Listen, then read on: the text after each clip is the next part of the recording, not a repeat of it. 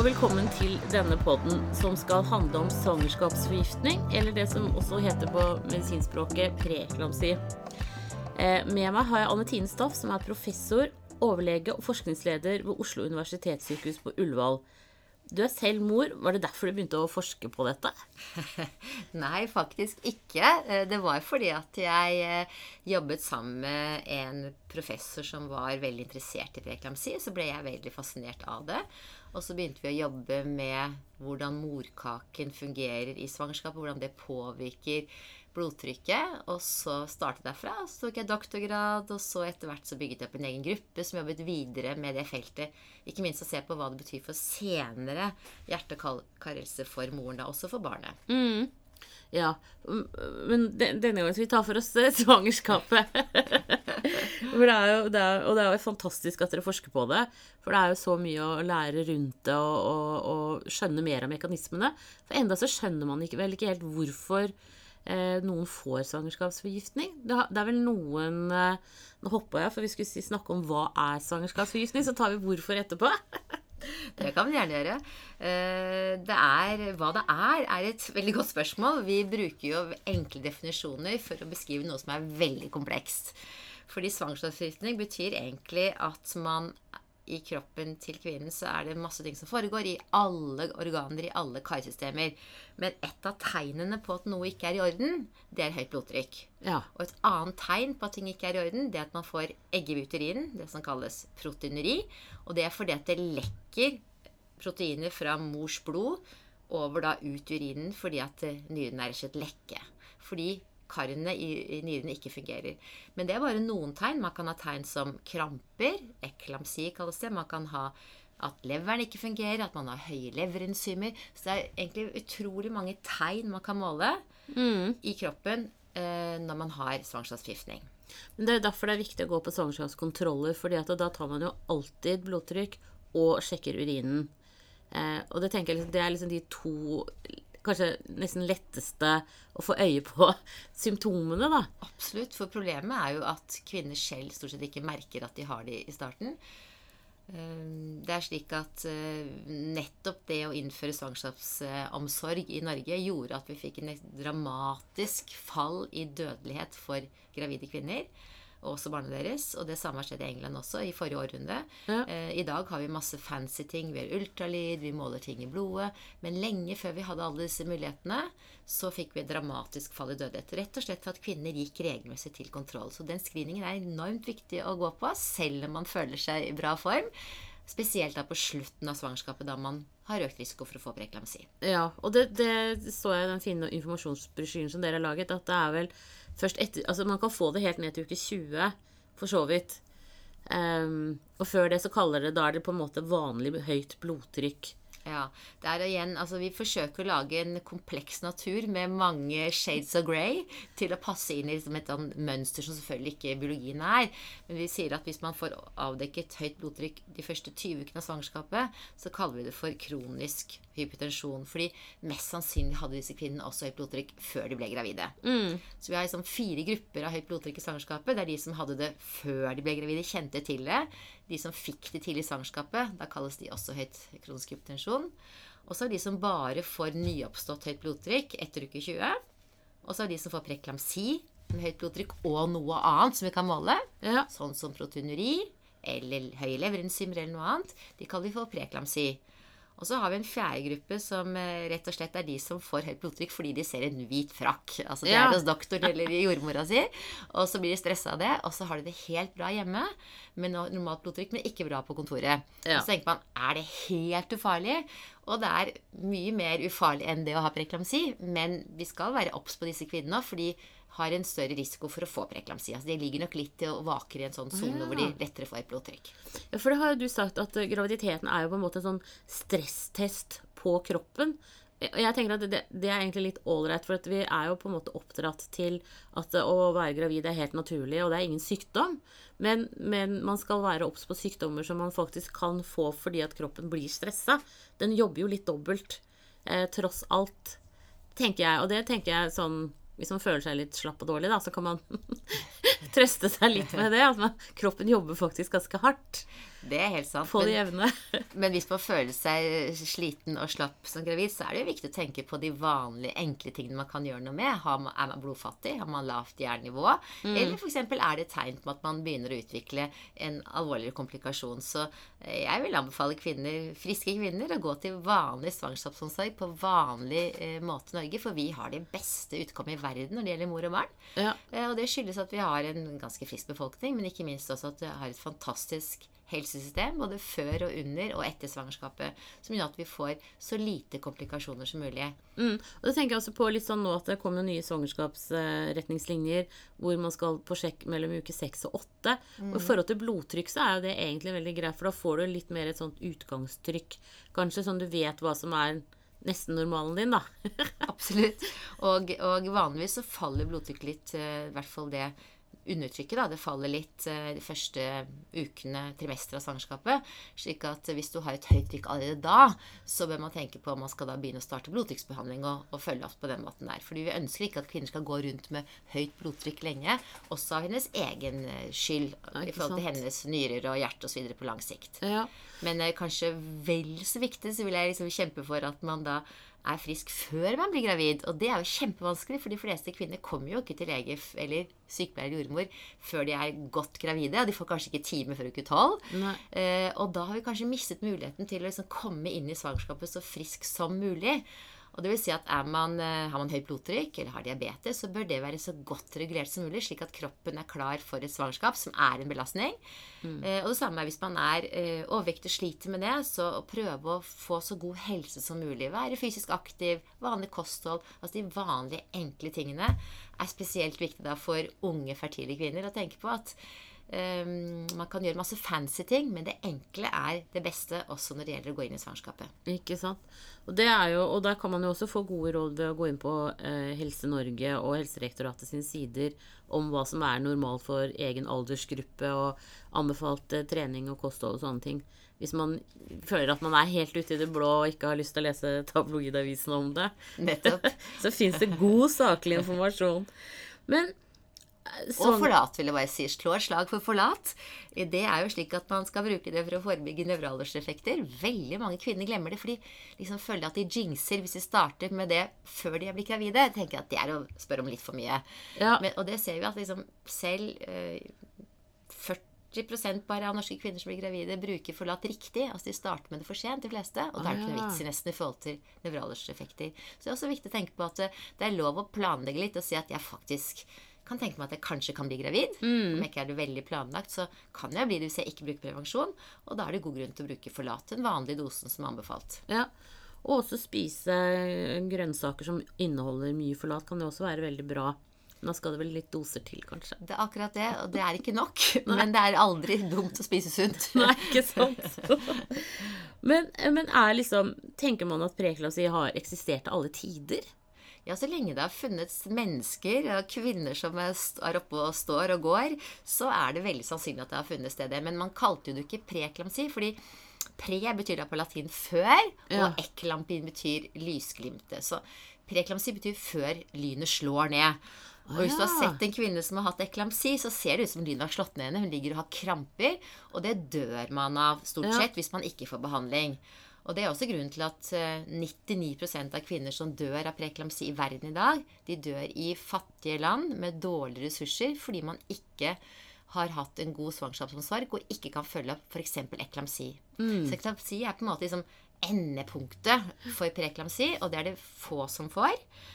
50-60 i Norge i året, og vi behandler det. Vi behandler det effektivt med magnesiumsulfat. Så for å komme tilbake til det du spurte om, det om det har funnet sted alle tider, så er det beskrevet da, som fra Sokrates tid, fra egypternes tid, at det var disse kvinnene som fikk disse krampene, og de var gravide. Så de skjønte at det var en sammenheng, at det var noe sykdom som gjorde at hun fikk kramper. Eh, og så er det jo ikke før de siste 100 årene at vi har klart å begynne å måle blodtrykk og skjønne sammenheng med blodtrykk og eggehviteurinen. Så det var definisjonen på preeklamsi før. Det var en nyoppstått høyt blodtrykk. Over 140 over 90 blodtrykk. Pluss proteineri.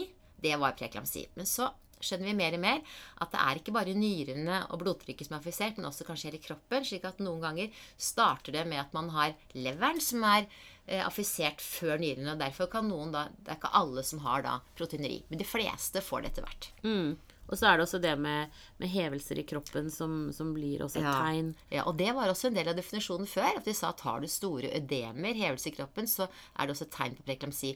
Det stemmer nok ikke.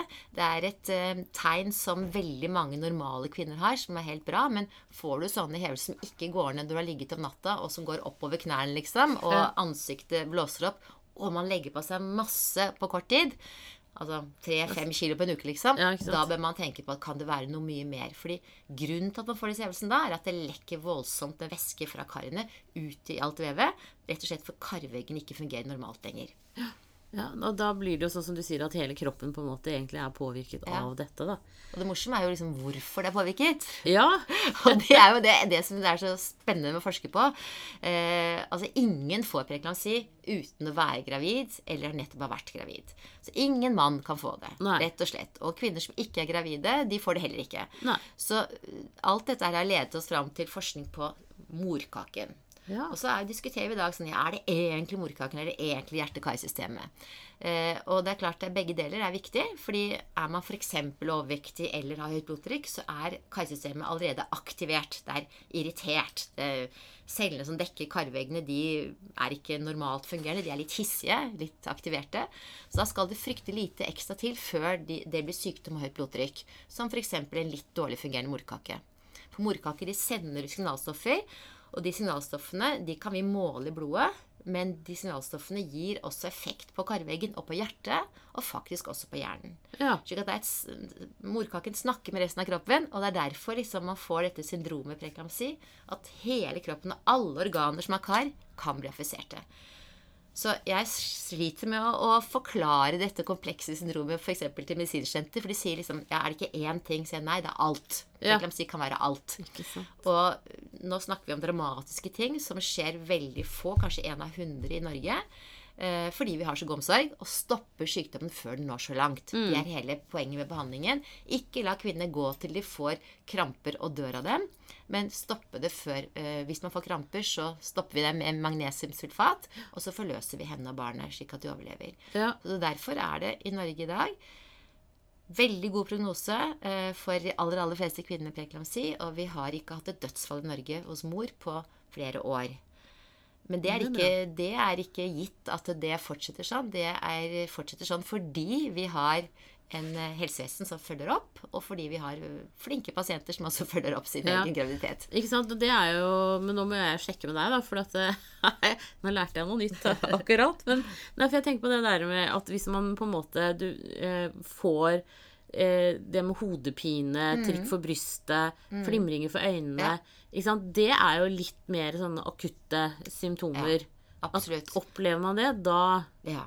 Og det er sånne ting som jeg prøver å lage hva kan være huskeregelen. fordi når man sitter som allmennlege kanskje og har da en pasient på kontoret sitt, en gravid, ikke en pasient, en gravid kvinne, hun er jo ikke pasient, hun er gravid, da er man ikke syk, men så oppdager da legen eller jordmoren at oi, nå har blodtrykket steget, det er kanskje 142 over 95, og så var det helt normalt før.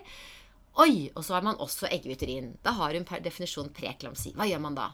Det er ikke slik at man liksom må reise til sykehus med helikopter, og nå er liksom eklamsi nest rundt hjørnet. Da sier man ja, nå må det følges spesielt godt opp helt til du er født. Ja. Det er nemlig ikke slik at preeklamsi går bort, liksom, at man blir plutselig frisk. Da fortsetter morkaken å fungere sånn passe dårlig, eh, men forhåpentligvis godt nok til at fosteret fortsetter å vokse. Og da pleier jeg å si til pasienten ja, og da hvis du, hvis du merker noen akutte tegn, så husk på å ringe sykehuset til meg med en gang, så at du kommer raskt inn. Da skal man si får du akutt vondt i hodet, synsforstyrrelser, tungpusten, vondt i magen, kjenne lite liv, ring sykehuset med en gang, si 'jeg har preeklamsi, jeg er redd for alvorlig forverring', jeg kommer med en gang. Ja, ikke sant? For dette er Det grunnen til å komme vente. med en gang. Fordi det å kjenne lite liv ville vært et symptom som kunne henge sammen med en dårlig morkakefunksjon. Det å ha vondt i magen kunne skyldes flere ting. F.eks. at morkaken løsner. Det som kalles abruptio. Ja. Det gjør den lettere hvis man har en dårlig fungerende morkakene. Det at man har veldig vondt i magen, spesielt kanskje på høyre side oppunder ribbene, kan være at, tegn på at leveren ikke fungerer så godt, og at den kanskje har blodansamling osv. Det at tungpusten kan henge sammen med at man har disse ødemene altså i lungene. Man, man eh, får vondt for å puste, man har rett og slett våte lunger. ja. hodepinen kan være et forvarsel for eklamsi. Og det samme er synsforstyrrelsen. Da liksom henger symptomene sammen med hva vi kan tenke oss foregår i kroppen. Så de tingene syns jeg faktisk er viktig at kvinner med preeklamsi vet om. Mm. Ikke for å skremme dem, men for å trygge dem på å ta de riktige avgjørelsene Ja, eh, hvis noe skjer. Men det vi gjør da, som i allmennpraksis, eller det allmennlegene gjør, da henviser vi sykehus, kanskje innen samme dag, og så sier de at eh, vi ønsker en vurdering av kvinnen. For da må vi som er på sykehuset, spesialistene, sjekke har fosteret det bra? Fungerer morkaken godt nok til dette fosteret har det bra? Målt ut fra bevegelsen, størrelsen, eh, fostervannsmengde, blodstrømmen hos fosteret. Det er én ting. Og så må vi sjekke har mor det bra. Er blodprøvene hennes bra? Viser det at hun har normale leverfunksjonsprøver? Eh, Er det mye eh, eggehvite i urinen hennes? Og så sjekker vi ting rundt henne for å se hvordan er hennes situasjon, og se på henne. Og kanskje hun føler seg helt topp, og sier hun Men doktor, jeg skjønner ingenting. Hvorfor må jeg være her? Og da er det slik, må du være på sykehus og være hjemme til du er født. Det er helt avhengig av hvor langt unna sykehuset du bor, og den totale situasjonen. Bor du på en bitte liten øde øy eh, langt av gårde, og det ikke er eh, mulighet for helikopter eller eh, å komme til sykehus på kort tid, så vil jeg si at kvinner med, med moderat preklamsi bør være såpass nære at man kan gjøre noe med henne innen rimelig tid. Ja. Og det tenker jeg også, for vi, Norge er jo et grisgrendt land, og det er gravide overalt. Og at uh, ring liksom Får du ikke tak i jordmor eller fastlege, så ringer du rett til sykehuset, rett og slett. Ja, absolutt. Uh, og snakker med noen der. Ja, absolutt. Eh, og ikke, ikke, at man ikke liksom tenker at man er til bry, for det er man ikke. Det er mye viktigere å heller få hjelp eh, tre ganger for mye enn en gang for lite, fordi det er en alvorlig Ja. tilstand. Absolutt. Og sånn som hodepine er sånn som er veldig vanlig i svangerskapet. Rett og slett man Hypofysen vokser litt, så veldig mange kan ha litt hodepine. Oh, ja. Men da er det, ikke sant, tar man Paracet, og så blir det, går det over, så er det greit. Det er ikke den hodepinen vi snakker om. Nei. Vi snakker om en kjempeintens hodepine som er annerledes enn før. Ja, pannehodepine, det Ja. lærte jeg. Ja, ja, det er ikke dumt. Også, og at det på en måte ikke hjelper med Paracet, og at man eh, føler seg uvel. Og det å føle seg uvel, det er nok et symptom som mange forteller oss, som ikke er så lett å definere. Nei. Men det henger, kan henge sammen med alle disse alvorligere utviklingene av preeklamsi, sånn som disse HELP-syndromet, som det går på at man også da har for lave eh, blodlegemer, altså hemoglobin går ned, fordi at den ødelegges i de karene som er aktiverte. Ja. Og de aktiverte karene gjør også at blodplatene ødelegges. Der kan man blødningstendens. Og så gjør denne aktiveringen av karene også i leveren at leverenzym da øker også. Slik at alt henger sammen med alt. Ja. så et, sånn, et bilde fra å ha det helt kjekt og bra og ha preklamsi til å være døden nær, det er en del av det syndromet. Og det kan noen ganger gå litt fort.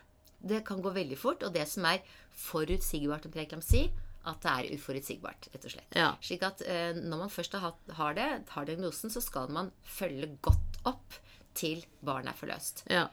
Og sånn sykemelding og sånn, liksom, blir man sykemeldt hvis man har eh, preeklamsi? Ja, altså det er jo slik at det å, å det ligge til grader? sengs eller ta det med ro, det har ikke vist seg å være effektivt for noe som helst i Nei. sykdom, dessverre. sånn at det, det å, å mm, være sykemeldt er jo noe vi gjør, eh, men det er ikke evidens for at sykemelding versus ikke sykemelding har effekt. Nei. Men kanskje å roe litt ned, for mange får det helt på slutten av svangerskapet hvor de uansett ikke er i jobb. I Norge så får to tredjedeler eh, etter 37 uker, eller i hvert fall blir de forløst etter 37 uker. Ja. Og da er de fleste allerede ute av jobben sin. Eh, men hvis man får eh, alvorlig høyt blodtrykk og egguteriden fra uke 26 f.eks., eller 30 i et 40 ukers svangerskap, så er det riktig å sykemelde. Eh, spesielt fordi at det kommer til å gå ganske fort før man blir forløst. Det er ingen som får det veldig tidlig i svangerskapet, som går i svangerskapet ut hvis man har preeklamsi. Nei. Har man bare hypotensjon, en lett og mild form for svangerskapshypotensjon, da er det noe litt annet. Da ser jeg ikke noen grunn til at man må sykemeldes, med mindre man har en veldig stressende jobb. da. Mm. Så igjen, ikke sant, jobber man skift, nattevakter Det er mange kvinner Ja. forskjellige typer jobber. Eller sitter man på kontor, ikke Ja, sant? Det er, men, eh, men hvis alternativet for kvinner er med sykemelding er at de går hjem og begynner å pusse opp barnerommet i dramatisk fart, som mange gjør, så tenker jeg det er ikke noe løsning. Nei. Poenget med en sykemelding måtte være at det skulle hjelpe å ta det med ro. Men som sagt Ja. har vi ikke noe god evidens for å, at ikke bevege seg gir lavere blodtrykk. Ja, ja. Derfor jeg tenker mer at da kunne man liksom rukket å gå de turene og, og liksom ja, tatt hensyn til kroppen sånn som det, når, man har, altså når man er stressa, da. Eh, Men, men eh, finnes det hos alle folkeslag? Ja, um, det er ingen grunn til å tro at det ikke gjør det. Altså, jeg jobber jo med forskere fra hele verden. Ja. Og uh, det er jo da høyere hyppighet i noen områder enn andre. Litt vanskelig å vite om det skyldes registreringsforskjeller, eller om Ja. det er reelle forskjeller. Fordi i Norge har vi et ekstremt godt medisinsk fødselsregister som alle kvinner bidrar til. Alle som føder i Norge, de registreres der. Det er obligatorisk. Man kan ikke la være å registreres i fødselsregisteret. Og det gjør at vi i Norge har kjempegode data på å si hvor mange som får det, og når de forløses, og hvordan det går da med barnet, hvor stort barnet var, osv. Så, videre. så vi vet veldig mye nettopp pga. sånne registre, og at kvinner bidrar. Mens i andre land som sier de har høye rater, så vet vi at der er det kanskje ett sykehus som rapporterer, mens veldig mange føder jo hjemme. F.eks. Ja. i India. ikke sant? Og Derfor så er det ikke så godt å svare helt sikkert. Men um, det er Antageligvis er det tror jeg da, ikke så store genetiske forskjeller som det er sosioøkonomiske forskjeller og helseforskjeller. Ja. Så hvis man har et land med veldig høy forekomst av fedme, veldig høy forekomst av kronisk hypertensjon fordi man ikke har fått behandlet en nyresykdom som barn f.eks., Ja. så er det mer sannsynlig for at man da har også utviklet preeklamsi. Så i Norge så ligger vi kanskje litt høyere på den milde formen, altså bare litt høyt blodtrykk, som er eh, mindre skummelt da i forhold til komplikasjoner enn preeklamsi. Så Ja. i Norge er det sånn ca. 3 i dag. Vi var oppe i 4% Jeg tror det er en reell nedgang. Og det skyldes nok to ting. Det ene er at vi har begynt å forebygge tidlig preeklamsi med aspirin, med lav dose aspirin, ja. til de som har høy risiko. Og det andre er at vi ikke lenger lar kvinner gå veldig lenge over termin. Før så forløste vi og ventet jo på en måte til hun kom i gang. Ja.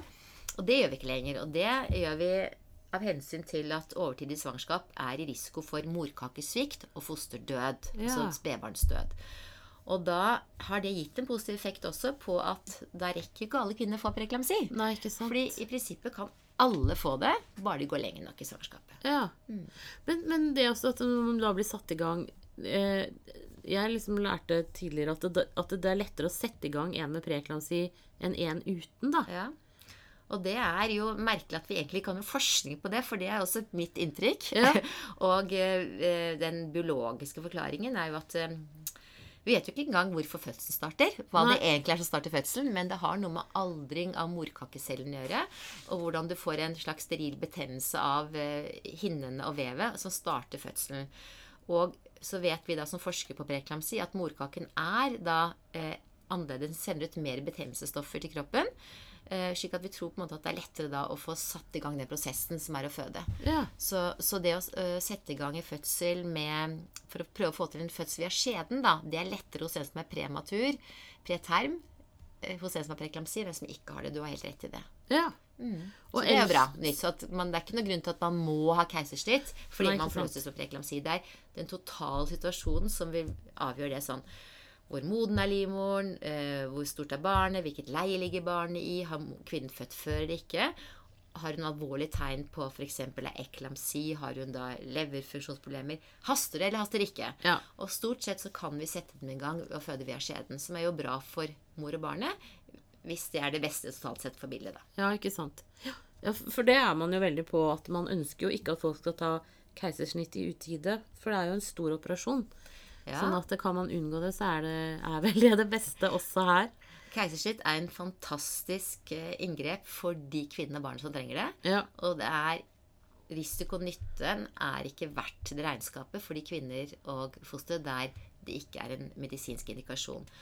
Det er jo et stort spørsmål her i verden i dag. Det er noen land som gir for ofte keisersnitt, og noen land som gir altfor lite. Og de landene som gir for lite, er fordi de ikke har ressurser. Ja. Så er det land som f.eks. nå i Brasil, hvor det er enkelte sykehus hvor opptil 70% av alle føder via, via magen. Keisersnitt. Og det mener vi er en veldig, veldig veldig uheldig utvikling. Fordi det har betydning for barnets utvikling, for mikrobiomet, for hvilke bakterier den utsettes for. Det har betydning for mors fertilitet senere, på hvordan neste morkake anlegges. ja. Mm. For det også er en sånn Det kunne nesten vært en hel pod ja, det kan det være. Vi får ta det en annen gang. med, med potensielle farer etter keisersnitt. Men sånn da neste eh, Neste graviditet, da, siden Ja. vi liksom er inne på det her nå. Eh, hvordan ligger man an da? Er, er det sjanse for å råde det igjen, eller er det liksom Ja, Nå har ikke vi snakket så mye om hva som er risikofaktorene. Nei, skal vi ta det først? Vi kan ta det først, fordi det henger sammen med dette. Det er veldig bra.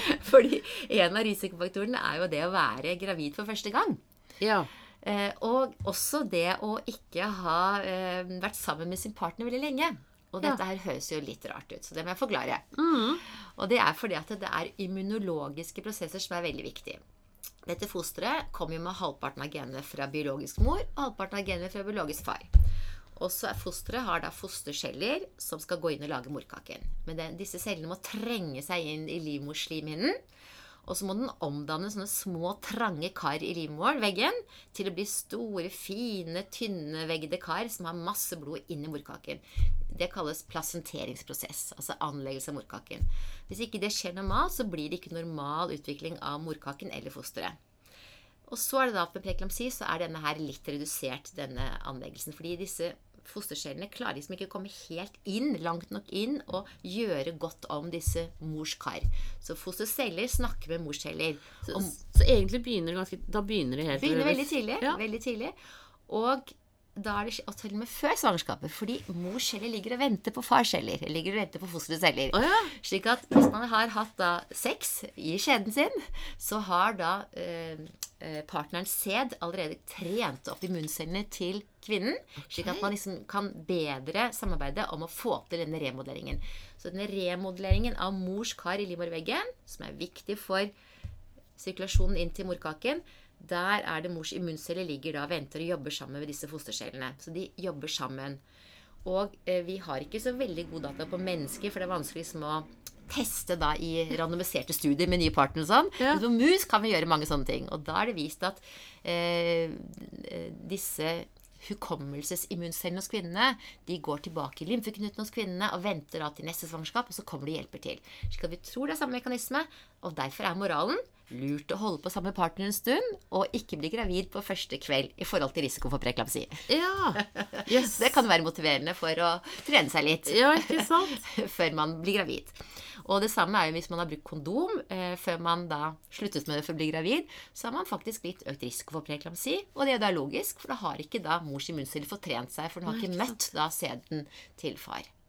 Så, så det er liksom, det er den immunologiske, og så en tillegg, så det er grunnen til at førstegangsgravide de har jo kanskje ikke så lang erfaring med den partneren som folk som har vært gravide igjen.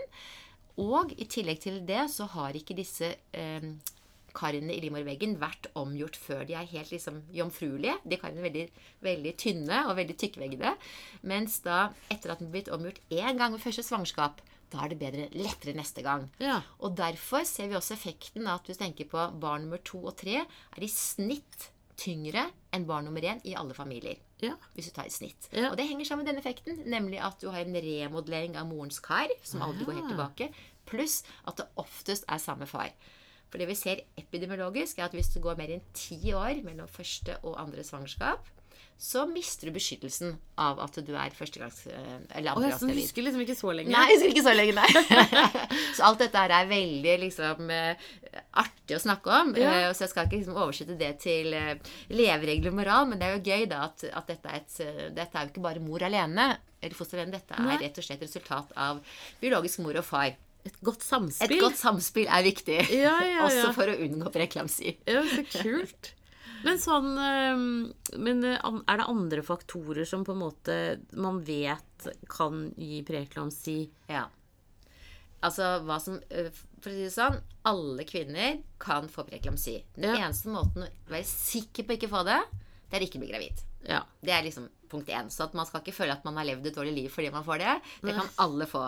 Men de som er i likt økt risiko, er kvinner som er førstegangsgravide. De er bare litt økt. De som er i ganske økt risiko, ca. en femtedel får det, det er de med kronisk hypotensjon, kvinner som har høyt blodtrykk før svangerskapet. Og det er jo logisk. Jeg fortalte deg at de har da karvegger som liksom ligger litt aktivert allerede og venter på noe. Og det som kommer til å komme, er at morkaken sender ut masse signalstoffer. Og det at de vipper over til da preklamsi tidligere enn andre. Da får de også eggeuterin. Ikke sant? At de får også affeksjon av noe annet med karsystemet. Så de passer vi spesielt godt på i svangerskapet. Eh, passer på at blodtrykket er godt regulert, slik at de har mindre sjanse for å få det. Og de kvinnene med kronisk hypotensjon og også overvekt, de bør prøve å ha så god helse som mulig før de blir gravide.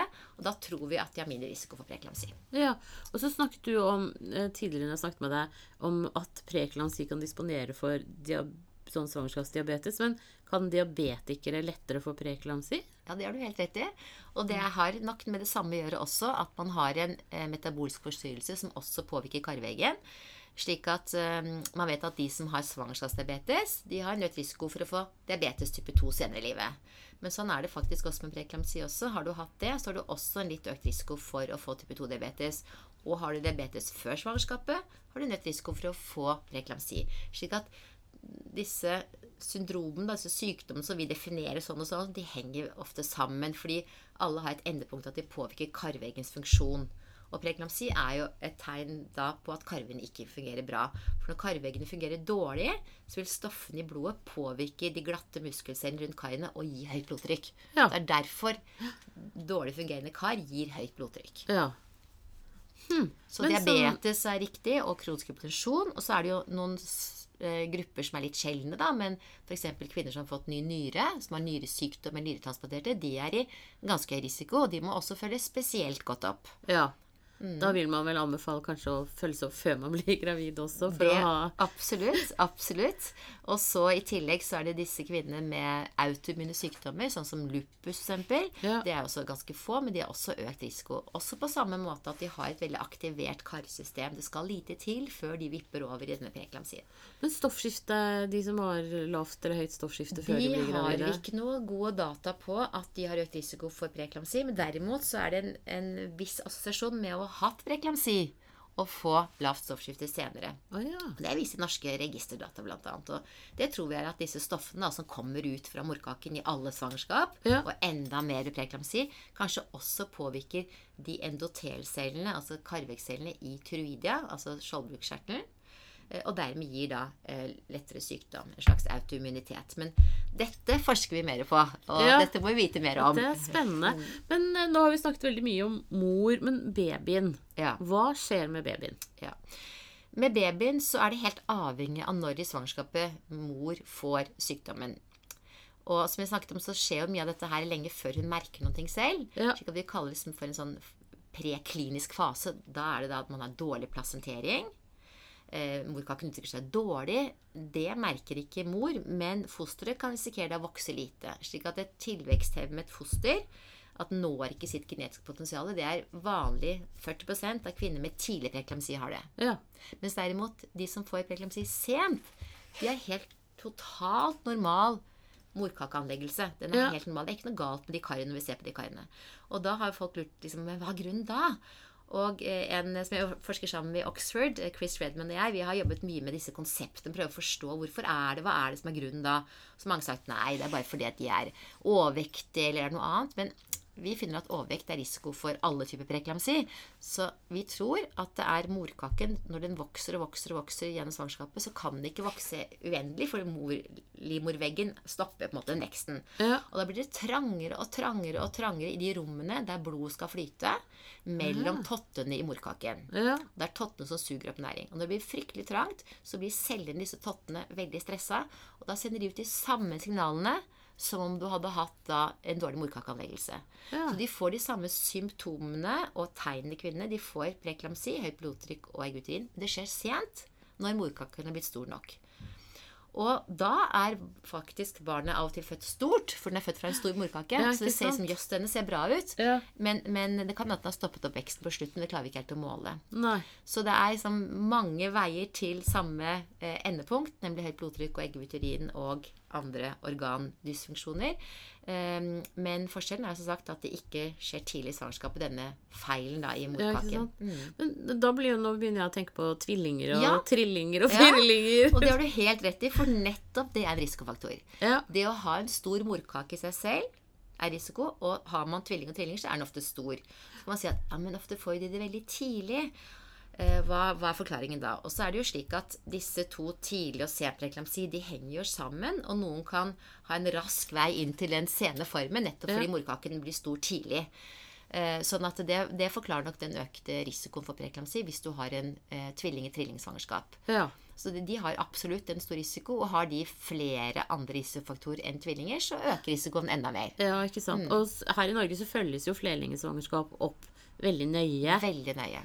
Og det er jo en, en betryggelse, kan man vel si. Absolutt. Men øh, finnes det ut ifra det du har Altså, jeg har skrevet ned et spørsmål. Finnes det en kur?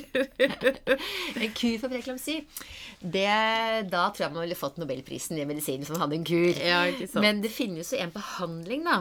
Eh, altså Vi har snakket om forebygging. Det er da eh, å være så frisk som mulig før man blir gravid. ja. Eh, og så er det det at eh, hvis man først har fått det, så er det faktisk den eneste måten å kvitte seg med det på, det er å ta bort morkaken. ja. Men da er det en liten da, ting som Da må halen der, nemlig at da må også babyen ut. ikke Ja. sant?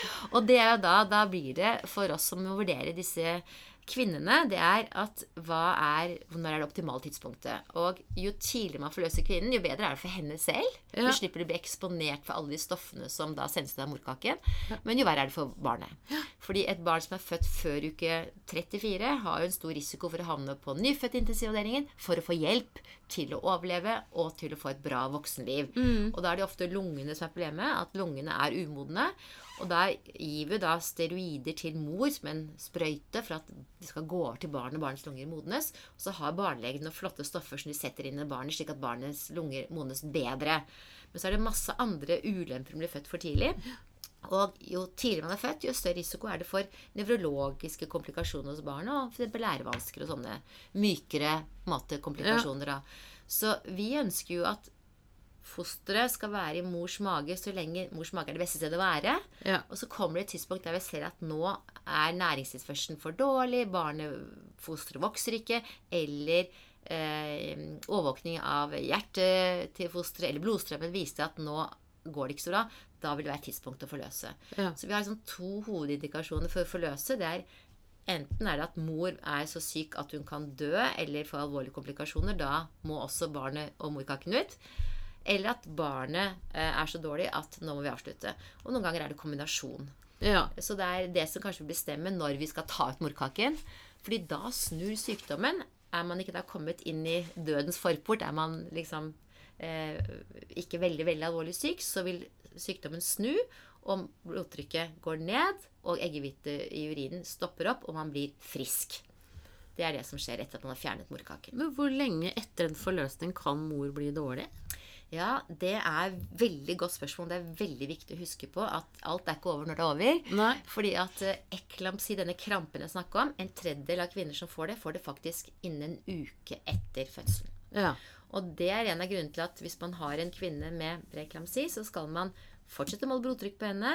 eh, Og hun skrives ikke hjem uten kontroll hvis hun har høyt blodtrykk. Eh, Så liksom være litt obs eh, på Ja. det. For da skal man på kontroll til fastlegen sin. Kontroll til fastlegen sin. Hvis man har et mildt, moderat høyt blodtrykk eller er eh, innenfor det normale, så skal man skal ha et opplegg. Oppfølgingsopplegg. Man ikke reiser hjem uten det, liksom. at det, det er kan viktig. være greit. Men tilbake til med eh, jeg, bare, jeg har også en gang lært at eh, et foster som har vært utsatt mm, for preeklamsi, kan du si, da, eh, Mm. er mer modent i forhold til alder fordi det har vært stresset. Mm. Sånn at det på en måte tåler bedre å bli født tidligere. Mm. Stemmer det? Ja, altså De dataene vi har Det er vanskelig å sammenligne, fordi alle som er født for tidlig av eh, barn, er det noe spesielt med. Ja. Hvis du sammenligner de som er født for tidlig av andre grunner, da, og de som er født for tidlig av preklamsi, så har du helt rett i at da ser det ut som at de klarer seg bedre, og mindre risiko for cerebral parese, blant annet, da, hos de barna som har preklamsi. Og det tror vi er, som du sier, at eh, morkaken er stresset. Morkaken, altså fosteret, fosteret Ja. i morkaken, har sendt signaler til mor som gjør at hennes blodtrykk øker for å få bedre gjennomstrøm i morkaken. Slik at liksom, man har kompensert så godt man kan. Og så er denne kompensasjonen bra for fosteret, men til slutt er det ikke bra for mor eller foster, for da kan mor dø av det. ikke sant? Da kan Ja. hun få eklamsi, og hun kan få organsvikt slik at hun dør. Slik at naturen har en slags reparasjonsevne, og så må vi igjen inn og hjelpe naturen slik at mor ikke dør, og at barnet overlever. Eh, og det er derfor vi eh, nå vurderer hvor langt ned skal vi gå når vi da forløser eh, kvinnepreeklamsi, selv om det ikke er noe stress å sende barnet.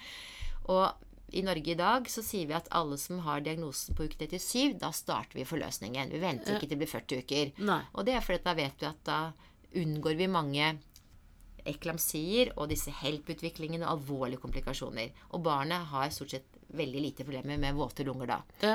Men så er det studien nettopp nå fra England som viste at ja, vi kan gå, kanskje gå helt ned i uke 34 og også si at nå begynner vi å starte forløsning selv om mor er stabil, og selv om fosteret har det bra.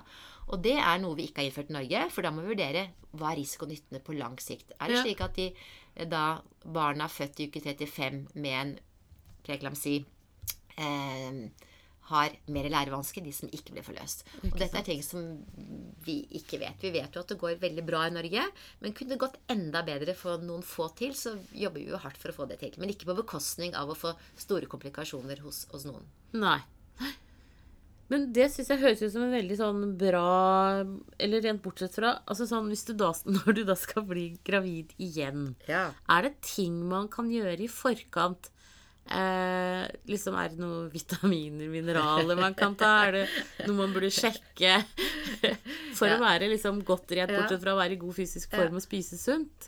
Altså, jeg tenker først og fremst at det er veldig hyggelig at eh, kvinner eh, har lyst på flere barn, eh, og familier har lyst på flere barn. Fordi at det er veldig sjelden vi ville eh, si til en kvinne at eh, du bør ikke bli gravid igjen, for det er så stor fare for at eh, du får alvorlig preeklamsi. Vi vet at gjentagelsesrisikoen er ganske liten hvis man har en mild form, hvis man fødte sent i svangerskapet med preeklamsi.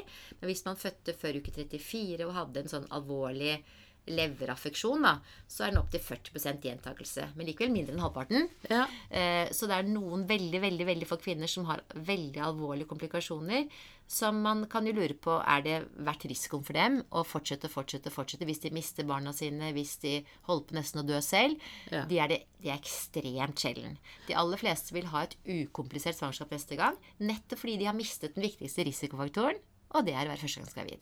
ja. Så da neste gang så er du ikke førstegangsgravid, og det er jo bra. For da trenger da morkakecellene ikke jobbe så hardt i forhold til å omgjøre disse karene i mors livmorvegg, for de er der fremdeles litt endret. Pluss at sannsynligvis er det samme partner, eller at man har vært eksponert for den partneren en stund, slik at mor har immunceller som husker deg. Det er, det er bra. Men så generelt da, så vil jeg si at eh, det å da leve sunt, ha, ha god kontroll på de sykdommer man måtte ha, sånn som f.eks. fedme eller høyt blodtrykk eller eh, diabetes eller nyresykdom, det er veldig viktig. Husk på forlat selvfølgelig hos alle. Det er uavhengig av preeklamsi. Ja. Og så er det det at man da vil sannsynligvis bli tilbudt å gå på en lav dose med aspirin. Og det er også noe som vi har endret i Norge de siste årene. Fordi øhm, vi bruker da kvinnens historie som eh, screening da, for hvem som skal tilbys eller ikke. Eh, og så er det slik at Har man hatt alvorlig preeklamsi før, eller har man, hatt, har man kronisk hypotensjon, eller har man nyresykdom, så sier vi da er du av de kvinnene som bør starte med det etter første trimester. Uke 12. ja. Ikke starte for sent. Det er det ikke noe vits i. Uke 12. Bruke det hver kveld til du har født. Ja. Da skyver vi på en måte noen kvinner over fra å få veldig tidlig preeklamsi til å få det litt senere, antageligvis. Og måten det virker på, er litt mystisk, men det virker på både blodplatene og på karvengene. Og summen av effekten er at man får mindre um, hva si for noe, Man får mindre blodproppdannelse fordi platene fungerer annerledes enn uten aspirin. Men aspirin er jo ikke, det er jo ikke sukkertøy. Det er jo slik at noen kvinner kanskje får litt vondt i magen, lettere blødninger. Så man, man må liksom ikke starte med det selv uten å snakke med sin lege og jordmor. Er jeg riktig gruppe for å starte med det? Og hvis man starter med det, så må man bruke det hver kveld. Vi ser at eh, compliance, som det kalles på vint, nemlig om man bruker ting eller ikke, den er ekstremt dårlig. Antakeligvis fordi at de ikke har fått god nok informasjon fra sin lege, eller at man ikke tror på den forvingen. Og da virker det ikke. Slik at man må bruke det hver kveld, hver dag, inntil man er født, for å få den effekten vi snakker om. Ja. Så er det noen da som har begynt å bruke en litt høyere dose, 150 mg, og der diskuterer vi nå om det er bedre eller ikke, for det er ikke gjort så mye studier på å sammenligne dosene. Og der igjen vil jeg si snakk med legen din om hva som er riktig for deg. Eh, men de fleste kvinner skal ikke ha det. Fordi at de, da tror vi ikke at nytten er bra i forhold til den bitte lille risikoen der for økt blødninger. Nei. Men dette her kan endres på sikt, for vi får mer kunnskap. Men per i dag så skal da lav dose med aspirin tilbys og anbefales kvinner med høy risiko for eklamsi. Og det er f.eks. hvis man da er veldig overvektig, eller en godt voksen kvinne over 40 år. Ja. Eh, eller har vært i assistert befruktning, eller har tvillingsvangerskap eller flerlingsvangerskap. Um, altså det er en kombinasjon av faktorer eller noen store risikofaktorer alene som gjør at du sier at du vil anbefale å bruke aspirin. Ja. Så det er det kvinner kan gjøre.